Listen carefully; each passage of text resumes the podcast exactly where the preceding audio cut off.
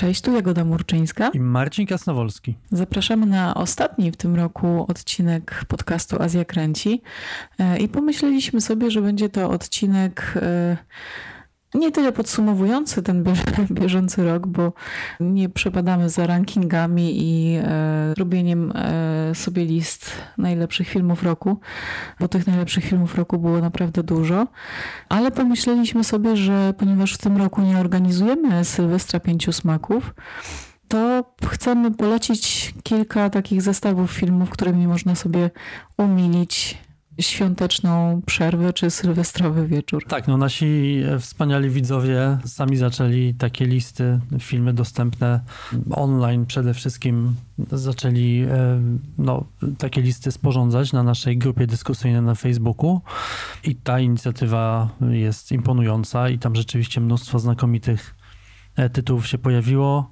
Nasz pomysł na ten odcinek jest taki, żeby właśnie pogrupować te filmy w gotowe zestawy e, na kolejne świąteczno-noworoczne dni. Więc tak, mamy nadzieję, że to zachęci naszych słuchaczy do tego, żeby te filmy oglądać. Tak, one są łatwe do namierzenia. Można je znaleźć e, na serwisach takich jak VOD.pl, na Netflixie, na e, Nowe Horyzonty VOD, no i oczywiście na Pięć Smaków w domu, gdzie też mamy specjalny, specjalny świąteczny pakiet, ale skupimy się na pojedynczych tytułach, które jakoś tam szczególnie chcielibyśmy przypomnieć. No i co? Może zaczynamy. Pierwszy pakiet to taki nieco ironiczny. E, jeśli przypadkiem wyjeżdżacie na święta do rodziny, albo właśnie nie wyjeżdżacie na święta do rodziny i będzie wam brakowało niesnasek przy stole i napięć emocjonalnych, to mamy zestaw pod tytułem Kochana rodzinka. No właśnie, takie filmy, które można oglądać e, chyba w gronie rodzinnym i ewentualnie właśnie skonfrontować e, swoją rodzinę z problemami rodzin, które pojawiają się w filmach. E, pierwszym filmem, który tutaj do tego zestawu mm, e, proponujemy, to film, który no, jeden z najlepszych chińskich filmów mijającego roku. Film, który wygrał 15 edycję Pięciu Smaków, czyli Wiosenna Fala i Jangliny. Tak, to nowy, nowy nasz tytuł na platformie Pięć Smaków w Domu. Serdecznie polecam, bo rzeczywiście bardzo wielu widzów, a zwłaszcza widzek, pisało nam o tym, że znalazły nieoczekiwane zupełnie taką nić porozumienia z bohaterkami tego filmu. Trzy pokolenia kobiet, babcia, która przetrwała rewolucję kulturalną, e, matka, która jest teraz w okolicach czterdziestki i jej młodość z kolei przypadła na takie bardzo dynamiczne zmiany w historii Chin i córka, która już no, jest nastolatką, młodą nastolatką, która dorasta w tych Chinach zupełnie już innych, zupełnie od, jakby otwierających się na świat.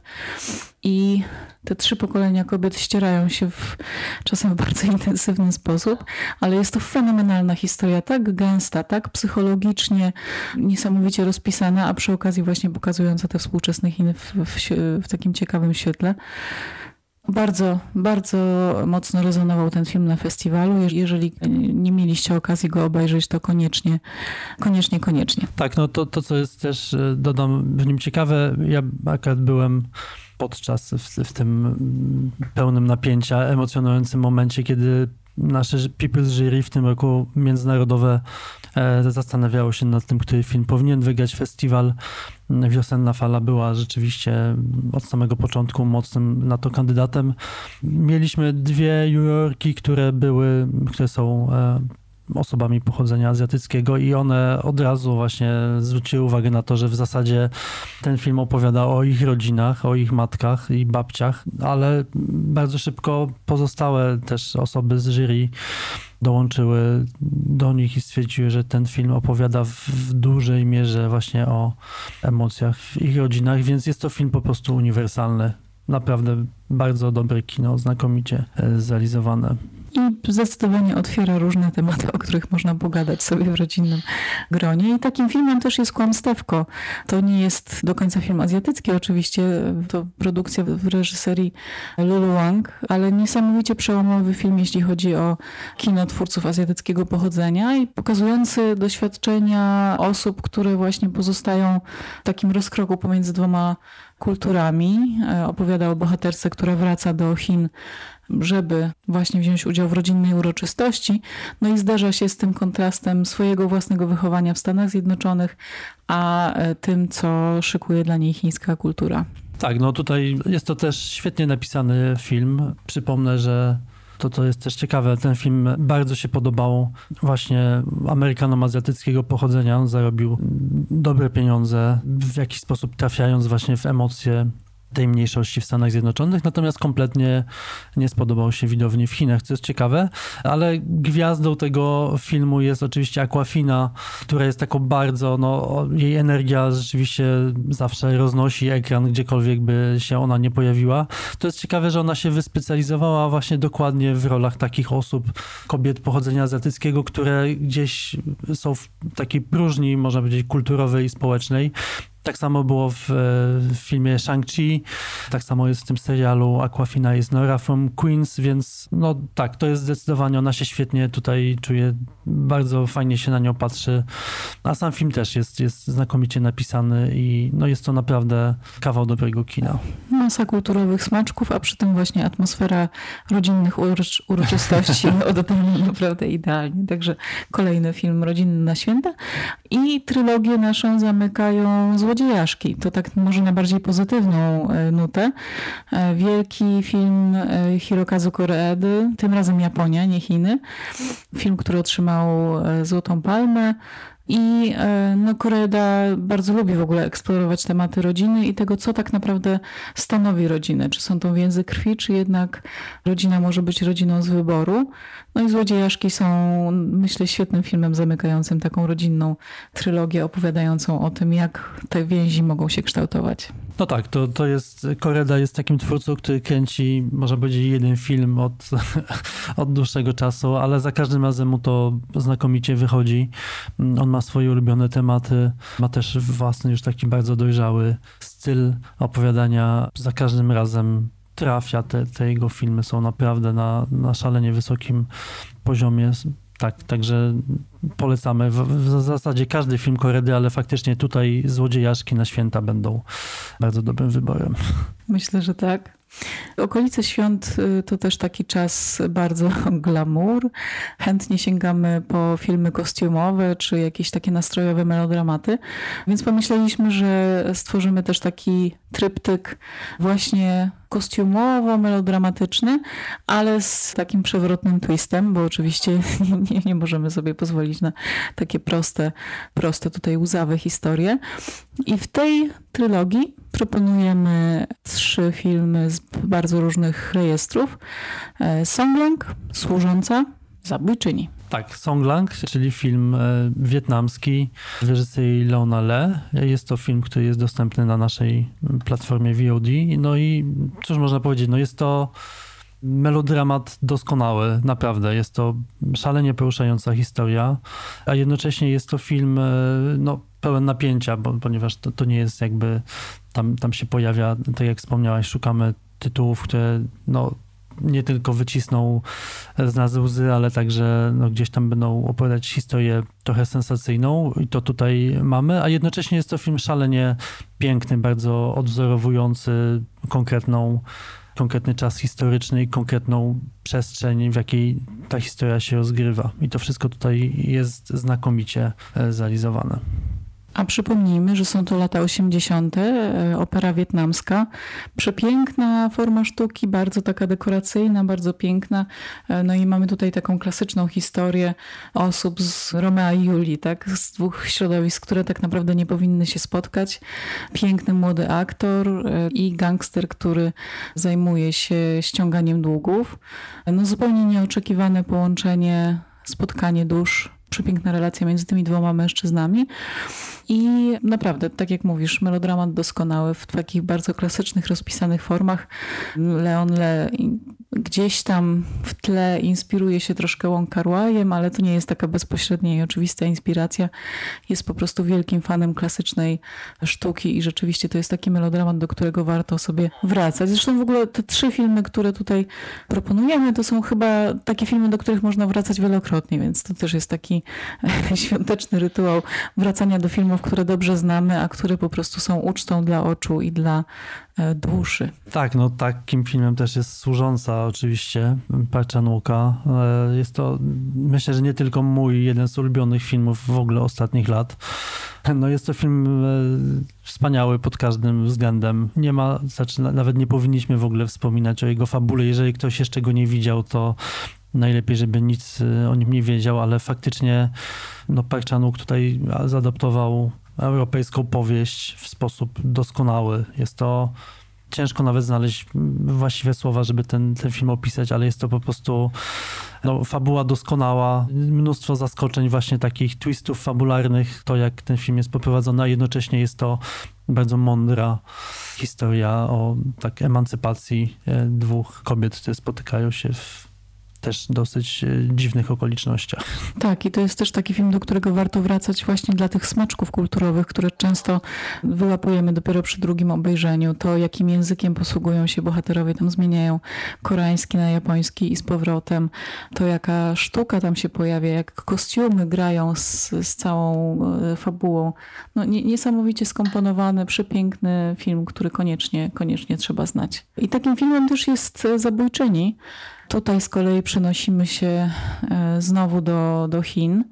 Film historyczny, ale zrealizowany z takim niesamowitym pietyzmem, z ogromną dbałością o światło, takie jakie powinno być w epoce, o e, tkaniny takie, jakie powinny być w epoce, no i oczywiście niesamowita bohaterka, e, która prowadzi nas przez te niesamowite czasy na swoich warunkach film, który jest y, z jednej strony filmem akcji, filmem Łusia, bo jakby takie jest założenie, opowiada o, o wydarzeniach na dworze, o, o zamachu, o, o pewnej intrydze, ale też równocześnie jest takim filmem niesamowicie kontemplacyjnym, w którym można się zanurzyć tak bardzo zmysłowo i sensualnie. Tak, no jak wspomniałaś, jest to film Łusia, ale tutaj ta akcja rozgrywa się tak naprawdę gdzieś na drugim planie. Ona nie jest, znaczy ona jest zrealizowana bardzo dobrze, te sceny są przepiękne, natomiast one są takie jakby trochę od niechcenia. Tutaj bardziej liczy się klimat i tak filozofia i psychologia. Taki film, który wymaga skupienia, ale też można go przeżywać, y, tak naprawdę po prostu chłonąć te obrazy. Nic dziwnego tutaj za zdjęcia odpowiada Leaping Bean, czyli jeden z y, najlepszych operatorów świata. I faktycznie, tak jak wspomniałeś, no jest szalenie ważne było, każdy detal był odtwarzany z bardzo dużym pietyzmem. Ten film powstawał zresztą przez wiele lat. Także no jest to taki projekt właściwie życia chyba dla reżysera, dla Hu Siena. I tak, no jest to oczywiście film taki, no można powiedzieć, który nigdy nie miał być chyba wielkim przebojem kasowym, ale bardzo dobrze, że powstał. Tak, jest, jest przepięknym, kontemplacyjnym filmem, który warto sobie, którym warto sobie umilić świąteczną przerwę. Ale żeby nie popaść w sentymentalizm i, e, i, i uroki kina melodramatycznego, pomyśleliśmy, że warto też sobie urządzić e, maraton kosmiczny. Myślimy dużo o przyszłości. Dobrą okazją właśnie ku temu jest świętowanie Nowego Roku i Sylwester. Zapraszamy do e, refleksji nad przyszłością, nad tym, co czeka człowieka i co z tym wszystkim możemy zrobić. Tak, no zwłaszcza, że science fiction to jest gatunek, który w Azji jest, pojawia się coraz częściej, jest kręcony coraz częściej. Wynika to oczywiście z tego, że te kinematografie bardzo mocno się rozwijają, mają coraz większe środki finansowe i coraz większe umiejętności. No oczywiście opowiedzenie historii, która rozgrywa się w kosmosie nie jest łatwe. To wymaga efektów specjalnych, wymaga takich pomysłów też wizualnych, ale tak, to się zaczyna dziać i no tutaj zaczniemy od serialu, jedynego serialu, który wspominamy w dzisiejszym odcinku. Dajemy mu pewien kredyt zaufania, dlatego że nie widzieliśmy jeszcze tego serialu.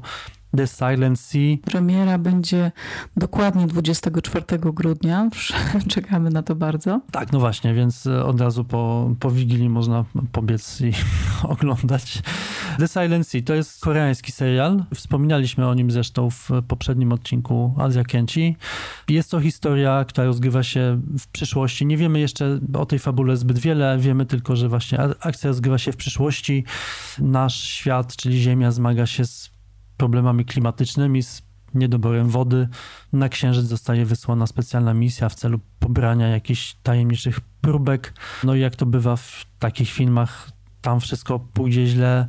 Ta, ta misja, jego, jej członkowie napotkają tam coś, co nie miało tam być. A do, możemy się domyśleć, że wszystko pójdzie źle i że te ich perypetie będą pełne grozy i emocji. Zapowiada się to bardzo mrocznie i psychologicznie ciekawie. No i oczywiście mamy gwiazdorską obsadę. Bejduna, nasza już e, wielokrotnie wychwalana przez nas e, aktorka, ale towarzyszy jej też Gong Yoo, aktor, którego pamiętamy z Zombie Express i filmu Kim Ji-young urodzona w 1982 roku. Myślę, że rzeczywiście z tego, co, co widać w, w trailerach, w teaserach, w zdjęciach z planu, e, może to być bardzo, bardzo ciekawa produkcja, także wizualnie, bo rzeczywiście te pejzaże tam są takie bardzo minimalistyczne, ale robiące ogromne wrażenie. Tak, i zapewne będzie to serial, który gdzieś tam w rankingach Netflixa wskoczy na jakieś czołowe pozycje na początku przyszłego roku. Tak, a jeśli chodzi o Netflixa, to w, rozmawialiśmy już o tym filmie w, na łamach naszego podcastu. Space Sweepers, jedna z takich głośnych premier, na którą cały świat kina bardzo oczekiwał, która no, nie doczekała się swojej premiery w kinowej, tylko właśnie trafiła z powodów lockdownowo-pandemicznych od razu e, na platformę streamingową. No i to jest takie e, kino nowej przygody. To już jest bardziej film ukierunkowany w stronę fantazy, dzieje się też w kosmosie, ale bardzo sympatyczna, bardzo fajnie napisana, rozrywkowa e, fabuła, która rzeczywiście e, no, szybko efektownie, zabawnie. Bardzo, bardzo dobry, lekki seans na, na jakiś świąteczny wieczór. No tak i Kim Terry w e, jednej z głównych ról, więc jeżeli zwróciła waszą uwagę w Służącej, a nie może być inaczej, ponieważ jest e, wspaniałą aktorką, no to tutaj ona gra panią kapitan statku głównych bohaterów. Jest to statek zbieraczy śmieci, którzy wikłają się w taką wielką e, między planetarną intrygę. Także tak, jest to, jest to szybkie, fajne kino, naprawdę polecamy. Porządna rozrywka. No i oczywiście, w, jeśli chodzi o science fiction, to nie może zabraknąć e, Chin, które ostatnio ten gatunek bardzo mocno eksplorują.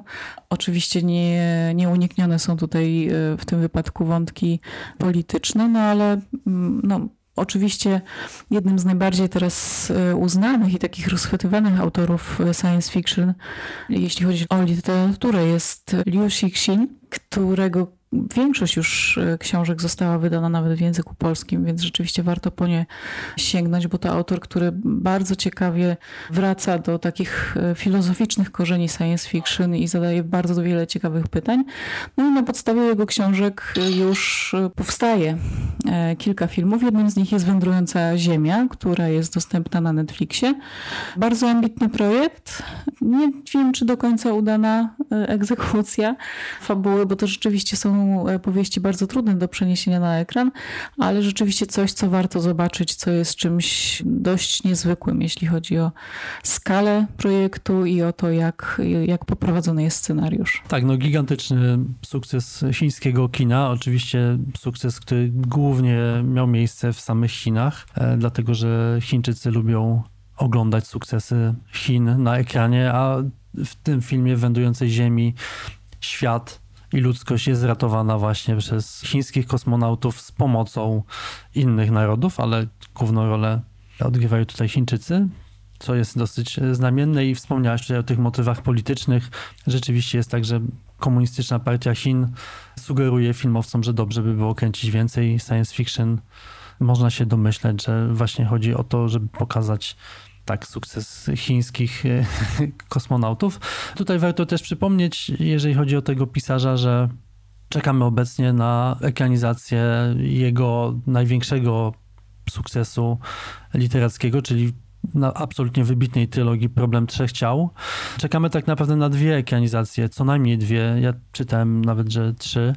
Netflix przygotowuje produkcję z obsadą międzynarodową, tam bodajże jedna trzecia aktorów będzie pochodzenia azjatyckiego, ale jednocześnie e, sami Chińczycy przygotowują swoją własną ekranizację i ona będzie dostępna wcześniej. I tutaj oczywiście warto będzie porównać to, jak te ekranizacje wyglądają, jak inaczej rozłożone są pewne akcenty polityczne. Także Będziemy o tym na pewno mówić, ale to jeszcze do tego czasu no, musimy jeszcze trochę poczekać. Tymczasem wędrującą ziemię zdecydowanie warto obejrzeć. Tak, i przyjrzeć się temu, co, co Chiny myślą o reszcie świata. To też jest ciekawe.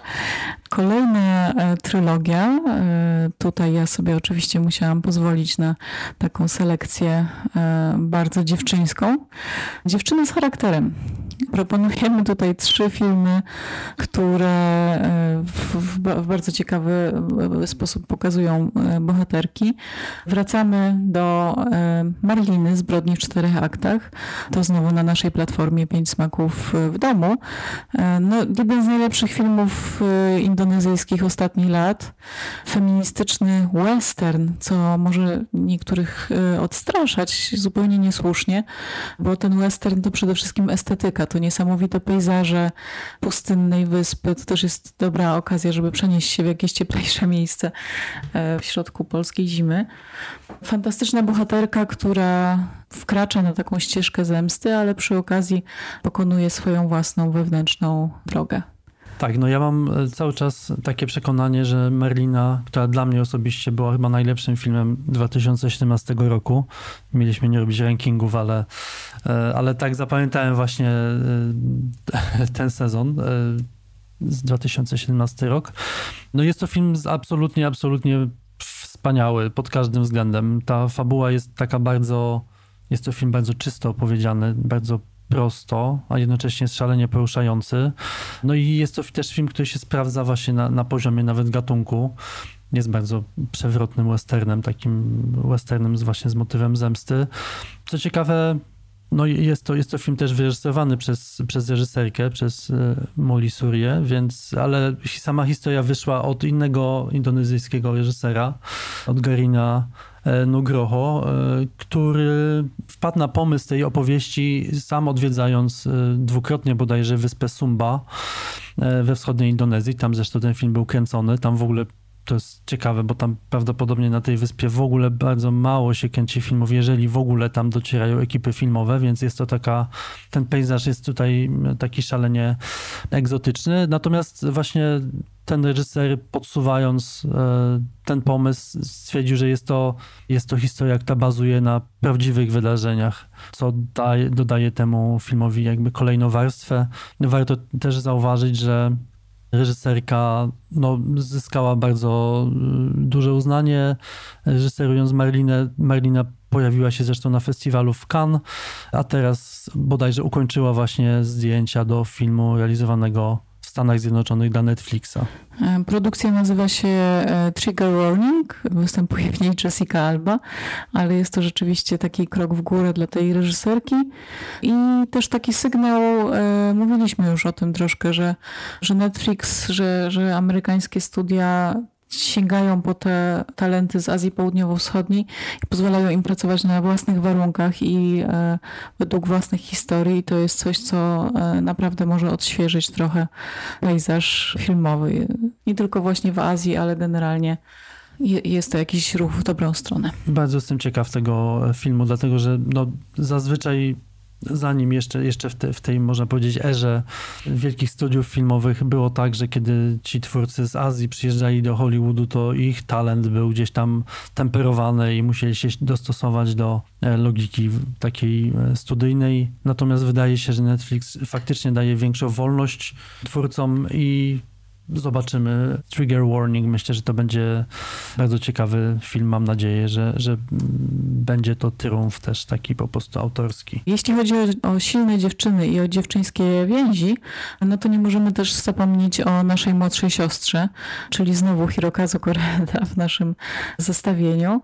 No oczywiście tych filmów o kobiecych mocnych bohaterkach jest więcej, zaraz zresztą o kolejnym e, powiemy w, w kolejnym zestawie, ale e, nasza młodsza siostra jest filmem wyjątkowym o tyle, że właśnie opowiada o takich siostrzeńskich więziach, które często w kinie gdzieś e, zostają zagrzebane pod innymi, e, pod fabułami o innych relacjach międzyludzkich.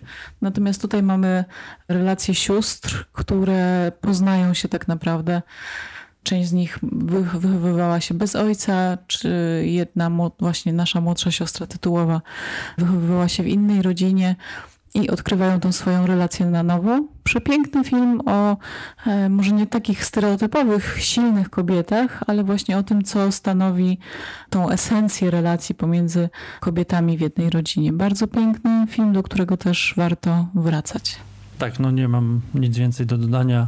Każdy film Koredy polecam oczywiście. Natomiast tą trylogię Dziewczyn z charakterem chcielibyśmy zamknąć filmem Okcia, czyli filmem Bon Joon-ho, filmem, który nie, nie powiem, że jest, został zapomniany, ale chyba jest traktowany jako taki film mniej istotny w filmografii e, Bon Joon-ho. E, natomiast jest filmem szalenie ciekawym, jest trochę innym filmem, dlatego że on zaczął, został zrealizowany w e, Korei Południowej, natomiast był od samego początku był przygotowywany dla Netflixa i no jest, to, jest to szalona oczywiście jazda. Film, który porusza aktualne tematy ekologii, mm, no można powiedzieć takiego korporacyjnego, korporacyjnych hodowli zwierząt, przeznaczonych na, na rzeź i tak dalej.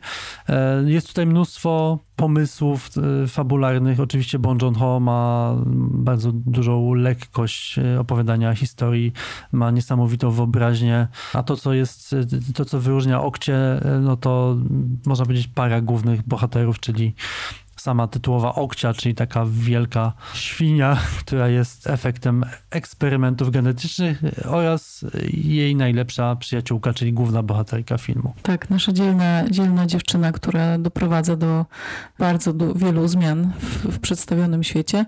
Bong oczywiście wykorzystuje tutaj swoją socjologiczną i psychologiczną wrażliwość i rzeczywiście jest to film, który, do którego warto wrócić i który no, niesie ze sobą bardzo, bardzo ciekawe przesłanie bardzo ciekawą, bardzo ciekawy komunikat. Myślę, że w, do świątecznego, do świątecznej fali konsumpcjonizmu też pasuje tutaj jak, jak znalazł. No tak i powoli zbliżamy się do Sylwestra. Zakładamy, że obejrzenie tych trzech zestawów, które Państwu zaproponowaliśmy, sprawi, że zbliżymy się właśnie do 30, 31 grudnia.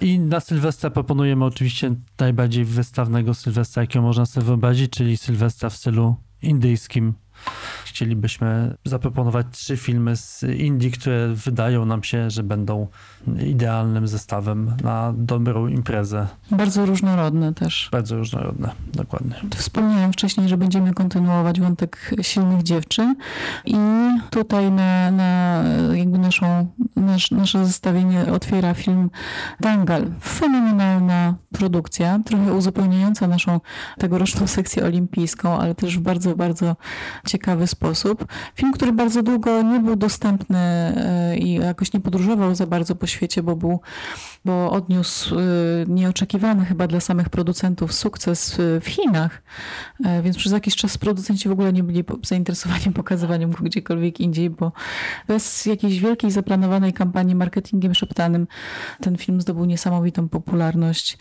i gigantyczne też zyski w państwie środka.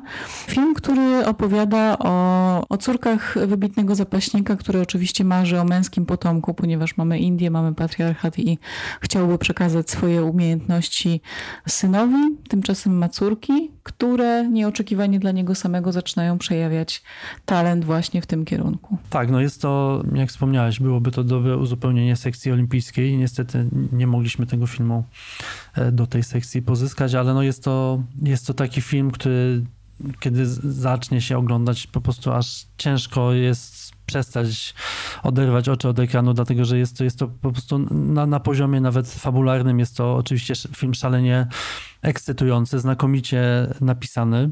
Jest tutaj wszystko, co sprawia, że lubimy filmy sportowe, czyli rzeczywiście najpierw to, w jaki sposób ojciec trenuje swoje córki, początkowo one nie są do końca chętne, boją się tego, to, te, te zapasy są czymś, czym można powiedzieć gardzą, ale bardzo szybko okazuje się, że mają wielki talent i idą w to, potem wchodzą w rozgrywki na coraz wyższym poziomie. Tutaj warto zauważyć, że jest to historia też, która bazuje na faktach, więc to dodaje temu filmowi autentyzmu. Jest to film e, wyprodukowany przez Amira Khana, który zresztą zagrał główną rolę w tym filmie, rolę ojca, jest to o tyle ważne, że to właśnie American ponad 20 lat temu, dokładnie 20 lat temu e, sfinansował film Lagan, czyli takie jedno z największych sportowych widowisk y, kina indyjskiego, film o krykiecie. Także można powiedzieć, że, że Dangal zamyka jakąś klamrą jego historię z, z kinem sportowym.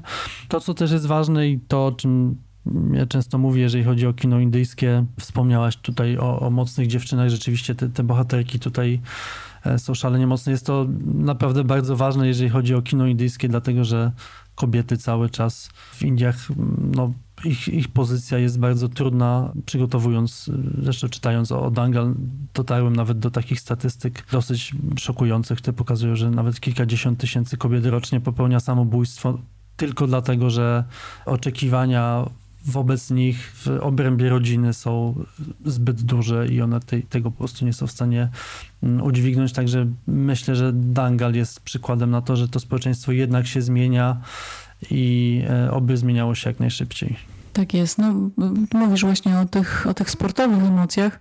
Ja przyznam, że kiedy pierwszy raz usłyszałam o filmie o zapaśniczkach, które tam przełamują stereotypy, wydawało mi się, że to będzie taka bardzo e, sztampowa narracja, też sport, który niespecjalnie mnie interesuje, natomiast historia porwała mnie absolutnie, bo, bo jest po prostu świetnie napisana, trzyma e, cały czas w napięciu. No i droga tych bohaterek jest też bardzo zniuansowana. To nie jest takie, takie całkiem proste i prosta i gładka historia, tylko rzeczywiście bardzo dużo się tam dzieje i kulturowo, i jeśli chodzi o przemiany samych głównych bohaterów tej historii. Więc naprawdę mm, gorąco, gorąco polecamy. Tak, Dangal jest dostępny na Netflixie, a na Netflixie dostępny jest także Uczeń, film, który chyba gdzieś nam umknął w Polsce i nie, był, nie było o nim dużo, nie było o nim głośno, nie było o nim mówione. A wielka szkoda, jest to film, który trafił do konkursu głównego festiwalu w Wenecji w zeszłym roku. Jest to film w reżyserii e, Chaitani Tamhanego, twórcy, którego film Proces pokazywaliśmy bodajże 7 lat temu. E, już wtedy ten proces, to był bodajże jego debiut. On nas ujął niezwykłym poziomem, tak, no, takim, takim opisem, bardzo realistycznym opisem współczesnych Indii. E, Uczeń jest filmem, który penetruje, można powiedzieć, inne rejony właśnie kultury indyjskiej, ale no jest to film także znakomity. Głównym bohaterem jest muzyk klasycznej indyjskiej muzyki, co gwarantuje też naprawdę wspaniałe doznania, jeśli chodzi o, o dźwięki, jeśli chodzi o muzykę, więc też polecamy bardzo e, na sylwestrowy wieczór.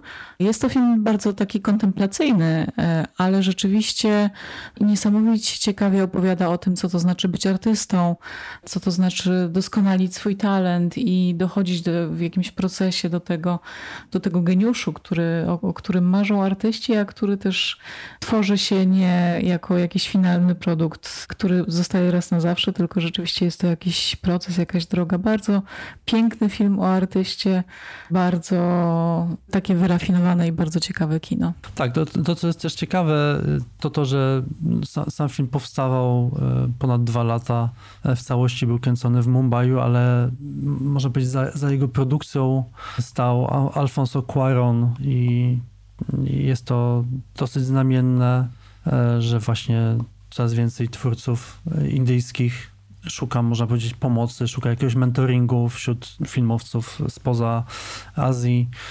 Te ich projekty rozwijane są w ramach różnych programów, międzynarodowych festiwali Podobnie zresztą było na przykład z filmem pewnego razu w e, Kalkucie, filmu, który pokazywaliśmy w no, naszym konkursie pięciosmakowym.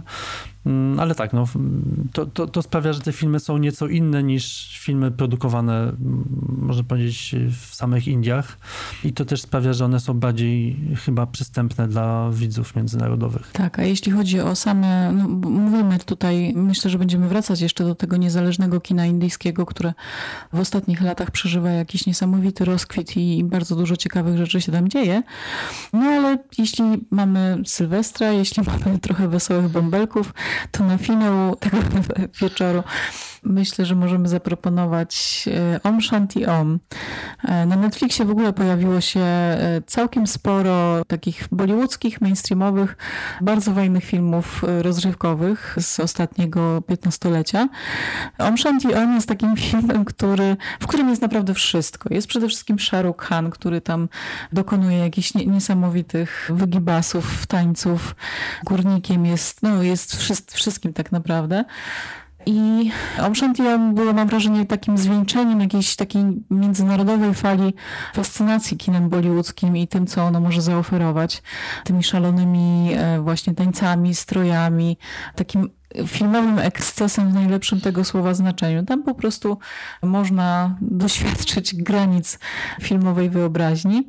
I rzeczywiście, jeśli kogokolwiek z, z naszych drogich słuchaczy ominęła ta fala fascynacji Bollywoodem, to Om Shanti Om jest takim filmem, który można sobie zarzucić, żeby doświadczyć tego niesamowitego zjawiska w takim no, szczytowym momencie, myślę. Tak, no mnie na przykład Om Shanti e, Om, Om minęło i już wiem, co będę oglądać na Sylwestrze, namówiłaś mnie. Myślę, że teraz y, warto warto wspomnieć o tym, że no Bollywood znajduje się w innym momencie y, swojego rozwoju. Jest to moment dosyć trudny, dlatego że jest to przemysł, który spotyka się z coraz większymi naciskami polityków na to, aby nie wiem, czy przemycać to jest właściwe słowo, może po prostu, aby produkować nacjonalistyczną propagandę e, wymierzoną w dużej mierze w muzułmanów. I tutaj warto pamiętać, że Shahrukh Khan, czyli jeden z największych no, bogów kina bollywoodzkiego, sam jest muzułmaninem i on no, przeżywa dosyć teraz trudne e, chwile, zwłaszcza, że niedawno miał miejsce skandal obyczajowy, z, można powiedzieć, z jego udziałem, czy raczej z udziałem jego syna. Został on aresztowany za posiadanie narkotyków i sam, sam aktor no, zmaga się teraz z takimi dosyć, no, jest to dla niego trudny moment w, w, jego karierze. Także tak, warto sobie te jego wcześniejsze filmy przypominać. Tak, Dni e, Niewinności Bollywoodu i, e, i takiej po prostu czystej filmowej rozrywki na Sylwestra. Myślę, że to jest dobry moment. Y, no, skomponowaliśmy kilka tych y, maratonów, ale warto też wspomnieć o kilku innych filmach, które pojawiły się niedawno e, na platformach streamingowych. No niezmiennie polecamy naszą własną, bo jest to nasza własna i, i tam znowu od, od grudnia możemy oglądać fantastyczne tybetańskie kino Pemet Sedena. To jest i wizualna, i filozoficzna, i kulturoznawcza uczta, więc mówiliśmy już o, o Pemie bardzo dużo, nie będziemy się tutaj powtarzać, ale serdecznie polecamy. Natomiast z takich pojedynczych tytułów, na które warto zwrócić y, uwagę, a które właśnie pojawiły się niedawno na, na platformach, mogą łatwo umknąć. Mam tutaj kilka takich tytułów, na które warto zwrócić uwagę. Jednym z nich jest na przykład Here and There, filipińska komedia romantyczna, która rozgrywa się w pandemii. Ona się pojawiła na Netflixie, niestety tylko z angielskimi napisami na razie, ale e, jest to taki lekki film, który warto sobie wrzucić na jakiś wieczór, w bardzo ciekawy sposób pokazujący w ogóle takie realia zwykłych ludzi, którzy żyją w pandemii. Jeden z ciekawszych filmów chyba, które na ten temat widziałam.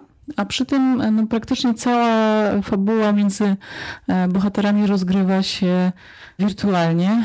Oni jakby tylko rozmawiają przez komunikatory, no bo nie mogą się oczywiście spotykać i jeżeli kogoś interesuje taki sposób, no ciągle jeszcze w kinie jest bardzo trudne, że bardzo e, reżyserzy mają problem z tym, żeby opowiadać właśnie o naszym życiu w sieci, a tu jest ciekawy przykład, jak właśnie w lekkiej bardzo formie można to zrobić w ciekawy sposób. No to jest taka ukryta perełka, którą warto sobie gdzieś tam wyszukać. Tak, no i też e, na, na VOD dostępne są największe hity azjatyckie ostatnich lat, czyli Parasite, Płomienie, Żegnaj mój synu, e, czy na przykład film Esan z Tajwanu. Także no, tych tytułów jest e, naprawdę sporo, jeżeli nasze maratony obejrzą Państwo e, jeszcze przed końcem wolnego, warto, warto szukać dalej. Zdecydowanie tak. No cieszymy się, że tych treści pojawia się coraz więcej i czasem właśnie ograniczeniem są te angielskie napisy, ale coraz więcej tych filmów pojawia się już w wersji polskiej i, i właśnie i, i duże platformy streamingowe i duzi dystrybutorzy coraz częściej sięgają właśnie po te mniej oczywiste kraje. To już nie jest tylko Japonia, Korea, ale też e, właśnie Indonezja, e, Chiny. Mamy nadzieję, że tego będzie coraz więcej.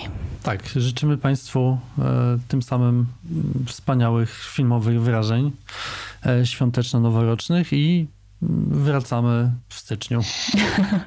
tak, do usłyszenia. Dziękujemy bardzo, do usłyszenia.